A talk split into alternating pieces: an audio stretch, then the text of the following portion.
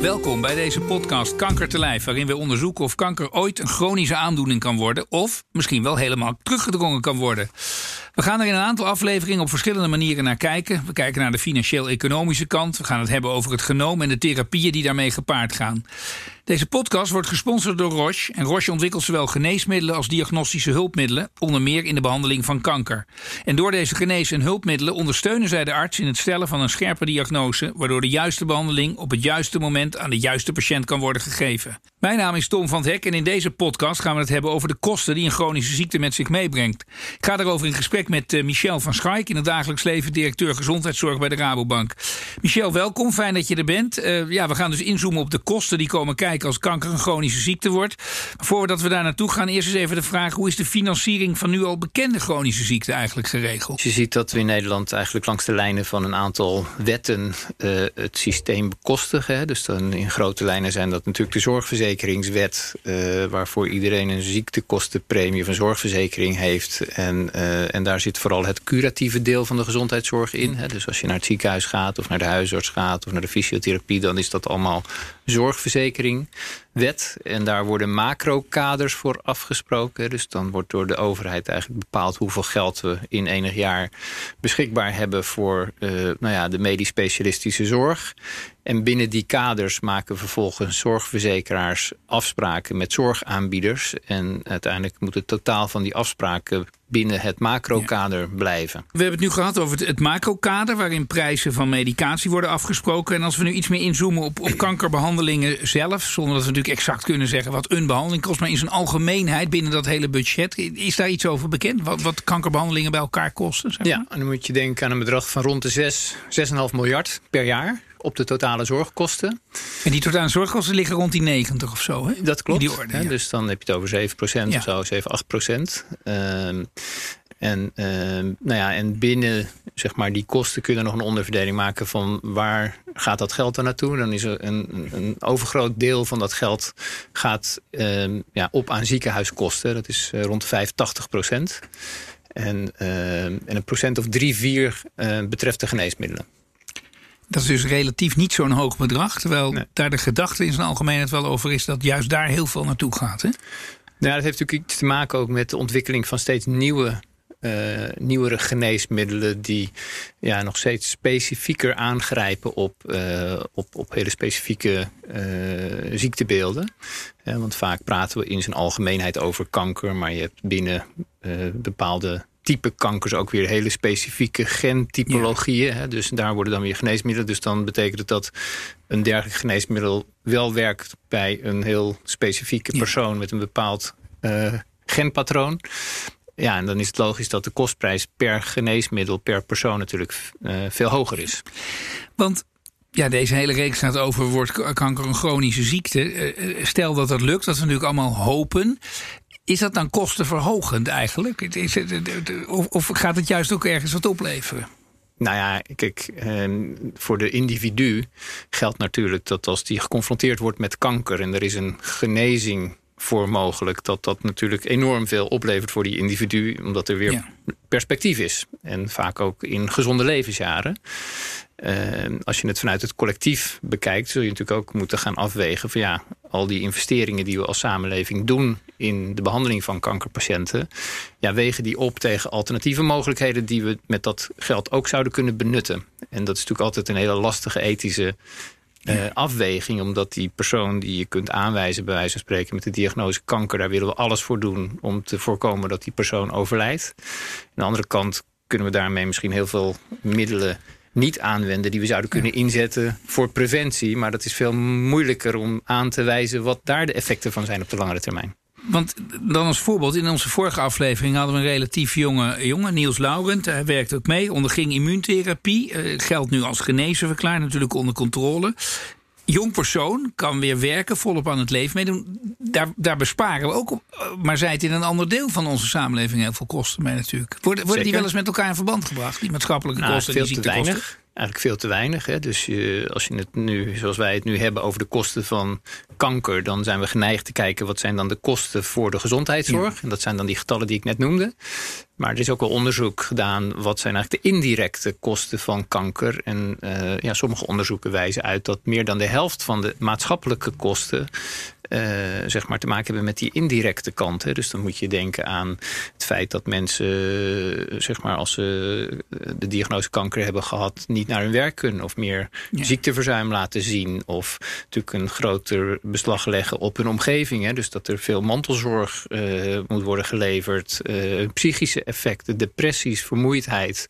Uh, als het ernstige vormen van kanker betreft, waar mensen zeg maar, met bepaalde lichamelijke beperkingen uit zo'n ziekte uh, terugkomen, dan moeten misschien allerlei huisaanpassingen plaatsvinden. Dus al die kosten die we niet rekenen tot ziektekosten, die daarvan wordt vermoed dat die zelfs nog hoger zijn dan de directe kosten als gevolg van de behandeling. En zie je ergens in de toekomst, Floren, dat we die twee velden aan elkaar gaan verbinden? Zijn daar bewegingen? Nou ja, ik denk dat het hele denk over wat is eigenlijk gezondheid... dat staat op dit moment best wel in de belangstelling. Hè? Dus er is een hele beweging waar ik zelf ook bij betrokken ben. Die, die gaat dan over positieve gezondheid. Hè? Dat is Machtel Huber die dat gedachtegoed heeft ontwikkeld. Waarbij je niet zozeer als uitgangspunt neemt... dat als iemand een ziektebeeld heeft dat hij nou ja, patiënt is... maar dat je vooral ook kijkt van wat kan iemand nog wel... ondanks het feit dat hij een bepaalde ziekte heeft... Um, en als je er op die manier naar gaat kijken, dan kun je ook de, ja, zeg maar de positieve kant van wat mensen nog kunnen bijdragen, misschien wel juist omdat ze kanker hebben gehad, kunnen we veel meer gaan waarderen. Wat natuurlijk tragisch is, dat we vaak de negatieve kant terugzien. Hè? Dus bijvoorbeeld die jonge volwassenen waar jij het net over had. Daarvan bleek dat die, als ze eenmaal kanker gehad hadden... dat het voor hen moeilijker was om zich te verzekeren. Er is gelukkig wel een oplossing voor gekomen in dit geval. Maar ook om bijvoorbeeld een baan te vinden. En in die zin zeg je van, we praten vaak over de kosten van de zorg, terwijl we ook over de opbrengsten eigenlijk zouden moeten, moeten kunnen praten. Je ziet wel dat doordat die, uh, met name ook de, de prijs en de, en de ontwikkeling van geneesmiddelen de laatste jaren zeg maar, uh, zich zo ontwikkelt en dat, het een, dat er hele dure geneesmiddelen zijn gekomen, dat dat natuurlijk wel drukt op het budget wat een ziekenhuis in enig jaar beschikbaar heeft. Hè. Dus je ziet wel dat, dat ziekenhuizen zich enorme zorgen maken over de, de vraag van kunnen wij al die dure geneesmiddelen aan alle patiënten blijven aanbieden als we dat niet uh, gecompenseerd kunnen krijgen vanuit het macro dus daar is wel discussie over. Daar is discussie over. Daar speelt overigens ook de overheid wel weer een rol in. Want die onderhandelen. Kun je daar nog iets over uitleggen? Want dat, dat lezen we dan ergens. Er komt een middel en dan gaat eerst de, de, is te duur of niet? En dan, en dan komt er een soort geheime prijsafspraak. Vaak, ja, ik weet niet eerlijk gezegd helemaal precies hoe dat werkt. Maar je ziet wel dat, uh, dat je dan eigenlijk zeg maar de macht van de grote getallen gaat werken. Hè? Dus dat in het verleden ieder ziekenhuis zeg maar zijn eigen medicijnen inkocht. En dat bleek toch niet zo efficiënt en ook niet zo goedkoop te zijn, om het maar even zo te zeggen. Dus dan is de druk om het meer collectief te gaan doen, die nam toe. En uiteindelijk ging ook de minister van Volksgezondheid uh, zich ermee bemoeien. En ja, dan kom je natuurlijk toch in een, in een merkwaardig spel terecht... dat de overheid eigenlijk prijsonderhandelingen gaat voeren met, uh, met farmaceutische bedrijven. En, uh, en dan kom je ook in een dynamiek terecht dat je zou kunnen zeggen... van moeten we dat dan niet op Europees niveau gaan doen... maar dan ontstaan er ook weer allerlei belangen tegenstellingen... dat er bepaalde farmabedrijven bijvoorbeeld gevestigd zijn in een bepaald land... wat er juist weer belang bij heeft dat het goed gaat met dat farmabedrijf. Dus je komt dan in een heel ingewikkeld ja. Uh, ja financieel spel terecht. En, uh, dus dat is niet eenvoudig. En, uh, maar je krijgt natuurlijk ook de andere kant van de medaille... dat die farmabedrijven zeggen... ja, maar goed, als in Nederland de bereidheid niet aanwezig is... om een bepaalde prijs te betalen voor een geneesmiddel... wat we in Duitsland wel kunnen ja. vragen... dan gaan we die geneesmiddelen liever naar Duitsland brengen dan naar Nederland. Hè. Dus dat is best een, een, ja. een, een, een, kwetsbaar, een kwetsbare ontwikkeling. En een ontwikkeling eh, die al lang zo is, waar we ieder jaar op de een of andere manier ook weer mee uitkomen. Want ieder jaar ja. horen we volgend jaar lukt het niet meer, maar het lukt, als, als ik het zo mag zeggen, eigenlijk nog steeds. Maar toch, als je nou wat verder de toekomst in kijkt en je kijkt vanuit een soort macro-economisch perspectief, moet er daar dan een andere gedachtenvorming omheen komen? Heb je, heb je, heb je daar een idee over? Of, of blijven we het zo doen op de manier zoals we het nu doen? Nou ja, ik denk dat dit niet niet op de lange termijn niet vol te houden is dat de kosten van de zorg elk jaar maar doorstijgen. En dat dat een grote impact heeft ook op het besteedbaar inkomen van mensen. Dus een kwart van het bruto inkomen van een modaal gezin gaat nu al naar zorgkosten en premies. En als we dat zeg maar, dat die ontwikkeling, en dat gaat niet alleen maar over pharma, dat gaat natuurlijk ook over medische technologie en andere zaken. Dus ergens zit daar een grens aan vast. Ik had eerlijk gezegd, als je het met een twintig jaar geleden gevraagd had, uh, gedacht dat we die grens al lang bereikt zouden hebben. Maar om de een of andere manier zijn we met z'n allen dan kennelijk toch maar bereid om elke keer die extra kosten maar weer te dragen. Maar ja, uh, iedereen voelt wel aan dat de wal het schip een keer gaat keren. De uh, verzekeraars hebben hier natuurlijk ook een rol in. We hebben het een beetje gehad over de rol van de overheid... die dat hek uh, om die macrokosten als het ware heen zet. Ja. Als we nou in die hele ontwikkeling ook van die kosten rond kanker kijken... wat, wat voor rol spelen de verzekeraars daarin... en wat zouden ze misschien wel of niet uh, daarin meer of minder mate kunnen doen? Nou traditioneel zijn de verzekeraars natuurlijk vooral actief als het gaat over het vergoeden van de kosten die zeg maar vallen binnen de, uh, de, de basisverzekering. En dus dat is een klassieke rol. Uh, maar die verzekeraars die beseffen ook natuurlijk heel goed dat uh, als we doorgaan op de oude manier, dat de gezondheidszorg op den duur gewoon onbetaalbaar dreigt te worden. En dat de enige manier om dat op enige manier onder controle te krijgen... is om veel meer ook aan de preventiekant te gaan doen. Dus je ziet wel degelijk dat verzekeraars ook gevoeliger worden... en meer uh, investeren in preventieprogramma's. En jullie hebben daar als uh, grote partij in de zorg ongetwijfeld ook wel een gedachte over. Waar zie jij oplossingsrichtingen zonder, zonder dat je eh, direct zegt we moeten het zo doen? Maar wat voor richtingen zie jij? Nou ja, door eigenlijk eens heel fundamenteel na te denken. En, en, en eigenlijk zou je kunnen zeggen de COVID-crisis waar we natuurlijk nu uh, zeg maar mee te maken hebben. Dat geeft nog een extra aanleiding om eens heel fundamenteel na te denken. Als wij nou zeg maar een beperkt hoeveelheid middelen beschikbaar hebben die we jaarlijks aan de zorg besteden. moeten we het dan op dezelfde manier blijven besteden zoals we dat altijd gedaan hebben. En, dus, uh, en dan is het merkwaardige dat we 99% van de kosten die we maken in de gezondheidszorg is heel erg gericht op die behandelingen en die reparatie. En maar 1% of een paar procent op preventie. En terwijl we eigenlijk tegelijkertijd weten dat iets van 70% van de ziektelast of de zorg die we geven uiteindelijk terug te voeren is op gedrag en leefstijl. Dus daar zit een totale disbalans. En die fundamentele discussie, ja, die zouden we eigenlijk nog veel uh, steviger moeten gaan voeren met elkaar. Die komt wel hoger op de agenda, mag ik dat zo zeggen? Ook, ook ja. juist door de, de COVID, door de coronacrisis. Ja, eh. zeker. Vraag is dan een beetje, uh, altijd, want iedereen is ervan en niemand is ervan, dat heb ik ja. wel eens gezegd. Is dat ook een beetje het probleem? Dat, dat iedereen een beetje naar elkaar, want er is niemand tegen nee. uiteindelijk, maar waarom, waar, waarom komt het zo moeilijk op gang? Nou ja, je ziet dan dat als ik met zorgaanbieders praat, dat sommigen zelfs zeggen, ja, preventie, daar ben ik niet van. En dan zeg ik van, maar bedoel je dan dat je het niet belangrijk vindt? Ja, nee, ik vind het wel belangrijk. Maar eigenlijk zit daar geen verdienmodel aan vast. Ja. Hè? Dus een dokter wordt nou eenmaal niet betaald om iemand zeg maar, van de IC weg te houden. Maar die wordt wel betaald uh, om iemand die op de IC ligt te behandelen. En, en, en uh, uh, nou ja, dus dat is uh, de grote vraag van kunnen we, als je het op die manier zou zeggen, van preventie een verdienmodel ja. maken. Nou, er wordt mee geëxperimenteerd. Hè, dus we kennen de, de GLIS, hè, de, de, de leefstijlinterventieprogramma's. Daar is nu ook, zeg maar, vorig jaar voor, voor diabetespatiënten een, een, een mogelijkheid om op kosten van de zorgverzekering zeg maar een intensieve programma te doorlopen om je leefstijl aan te passen. Maar als je heel eerlijk bent, gebeurt dat nog maar op beperkte schaal. En uh, dus we zullen echt met z'n allen, zou je moeten zeggen, naar een soort nieuwe norm toe moeten van wat wij normaal vinden als het gaat over gezond gedrag en leefstijl. En dat is niet het exclusieve probleem van de gezondheidszorg. Sterker nog, ik denk dat een heel groot deel van die oplossing helemaal buiten de gezondheidszorg ligt. Um, nou ben je ook uh, directeur gezondheidszorg bij een bank, bij een ja. grote bank, grote speler. Ja. Uh, hebben jullie invloed hierop? Want uiteindelijk, die instellingen die worden gefinancierd, maar die moeten jullie ja. ook kunnen betalen, toch? Uiteindelijk, nee, want jullie hebben ook niks aan de instelling die, die zich nee, die kan Daar heb je natuurlijk helemaal gelijk in. Dus dat is misschien een beetje contra-intuïtief. maar ik vind dat als je en uh, zeg maar als coöperatieve bank uh, zeg maar, uh, pretendeert dat je wil investeren in vitale gemeenschappen. Omdat we geloven dat als je dat doet, dat dat dan ook de beste waarborg is dat zo'n gemeenschap op langere termijn welvarend kan zijn en blijven.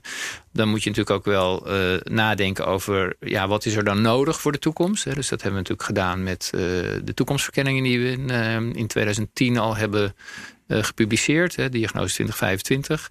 En dan moet je ook wel, uh, ja, zeg maar, als je dan tot de conclusie komt van we moeten eigenlijk veel meer naar die innovatie en naar die leefstijlgeneeskunde, moet je ook wel, vind ik, zeg maar, om het in banktermen te zeggen, put your money where your mouth is. En, en daar stappen zetten. Dat wil niet zeggen dat we helemaal niks meer doen aan ziekenhuisfinanciering, maar het wil wel zeggen dat wij op basis van die eigen visie en dat referentiekader het gesprek aangaan met onze klanten, maar ook met de systeemspelers, dus de politiek of de zorgverzekeraars, et cetera, om het hier met elkaar over te hebben.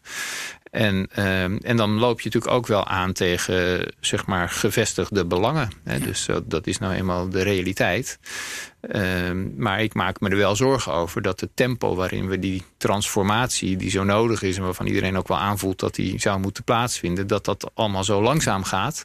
En het bijzondere van deze tijd is dat we nu door dat COVID-virus eigenlijk een window of opportunity hebben om het hier veel nadrukkelijker over te gaan hebben en te voorkomen. En nu is iedereen een beetje, zeg maar, uh, zou je kunnen zeggen, staat meer open voor systeemdiscussies en systeemveranderingen. Uh, en we moeten voorkomen dat we allemaal weer terugvallen in het oude gedrag, zodat we zo dadelijk weer met dezelfde problemen opgezadeld zitten als voor de crisis.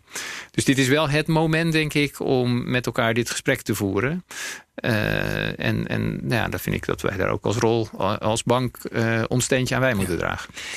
Dan dat woord leefstijl. Um, want dat is ook een soort individuele beleving. En dan komen we er al op. Want wie mag wat zeggen over wiens leefstijl? Dat is ook altijd een soort argument. Uh, uh, ja, nou ja, je ziet dat het natuurlijk heel lang totaal taboe was om, uh, om, om, om zeg maar daar iets van te zeggen over een ander. Je zou ook kunnen zeggen, maar ja, als we dat dus met z'n allen afspreken dat we daar niks over gaan zeggen, dan blijven we maar doorgaan in een ontwikkeling die we uiteindelijk als collectief ondermijnend is aan onze samenleving. Hè? Dus en je ziet dat wat dat betreft is er de laatste jaren wel wat gebeurd. Want uh, bijvoorbeeld op het gebied van roken, wat natuurlijk ook heel lang een, een, onderwerp is geweest waarvan mensen zeiden dat bepaal ik zelf wel, zie je dat we best wel in een betrekkelijk korte termijn uh, ja, op heel veel plekken uh, roken zeg maar, in de ban hebben gedaan. Eén gevaar wat mensen noemen, hebben we ook in de COVID-periode wel een heel klein beetje hier en daar in ieder geval discussie over gezien. Een soort ja, eigen schuldgevoel dan voor mensen die dat dan niet gelukt is. En bijvoorbeeld ook wel een beetje mede dankzij hun leefstijl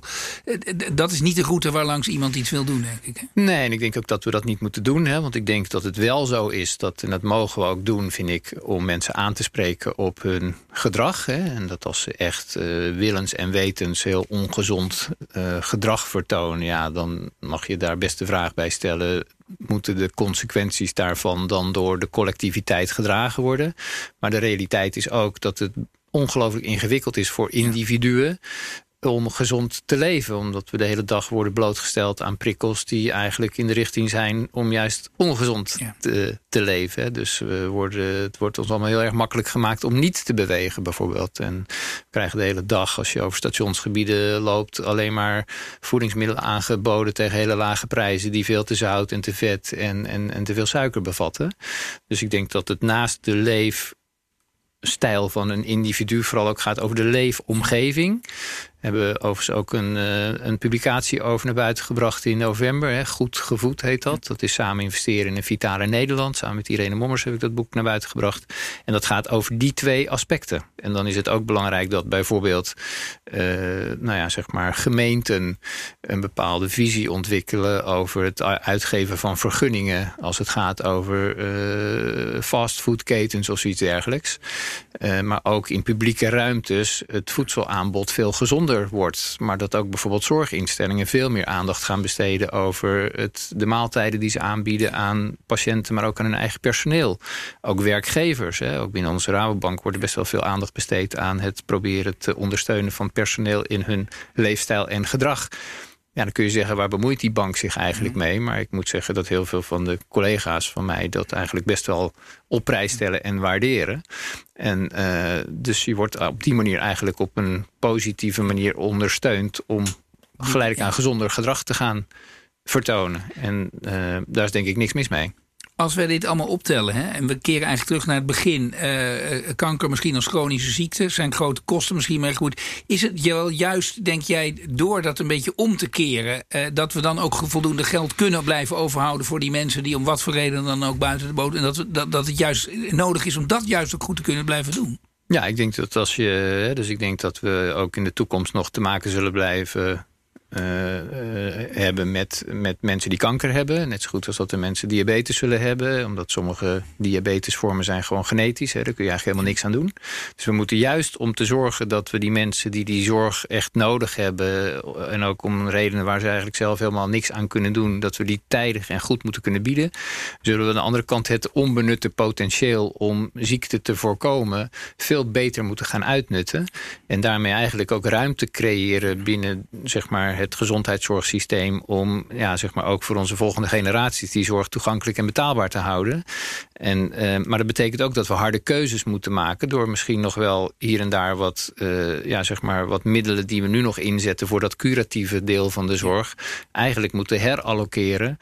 Uh, ja, zeg maar naar interventies die meer te maken hebben met, uh, met gezondheidsopvoeding en leefstijl en gedrag. Nou ja, dat, dan voel je hem natuurlijk al aan, Tom, dat uh, ja. daar, daar gaat niet iedereen het mee eens zijn. Dan toch de laatste vraag, want jij loopt al een tijd mee. Je zei ook het momentum is ook een beetje door de hele COVID-crisis... Eh, misschien ja. wel, het bewustzijn is in ieder geval groter dan ooit. Ben jij toch optimistisch? Uh, of zeg je nou, ja, het gaat me te langzaam misschien, dat heb je wel al, al gezegd. Ja. Maar ben je wel optimistisch dat er toch uh, ja, wel meer ruimte en draagvlak komt voor deze gedachtenstroom?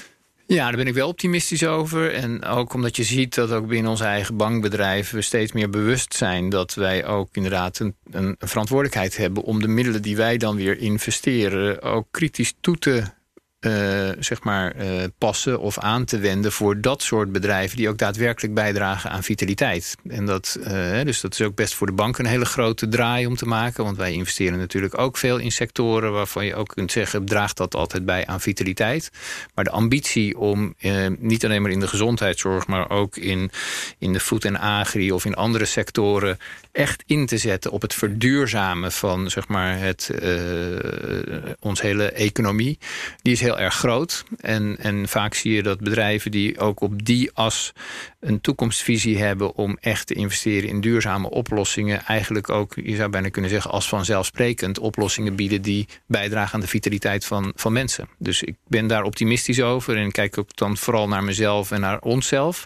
Dat wij zeg maar, vanuit dat bewustzijn ook als geldgever een hele belangrijke en invloedrijke rol kunnen hebben in dat speelveld. Dan wil ik je danken voor dit uh, gesprek. Je hoorde Michel van Schaik, directeur gezondheidszorg van de Rabobank. Was alweer het vierde gesprek in de serie Kanker te lijf. In de volgende aflevering bespreken we de toekomst van kankeronderzoek en wat tech en big data kunnen betekenen in deze. Zeer veel dank voor nu en graag en ook luisteren bij de volgende.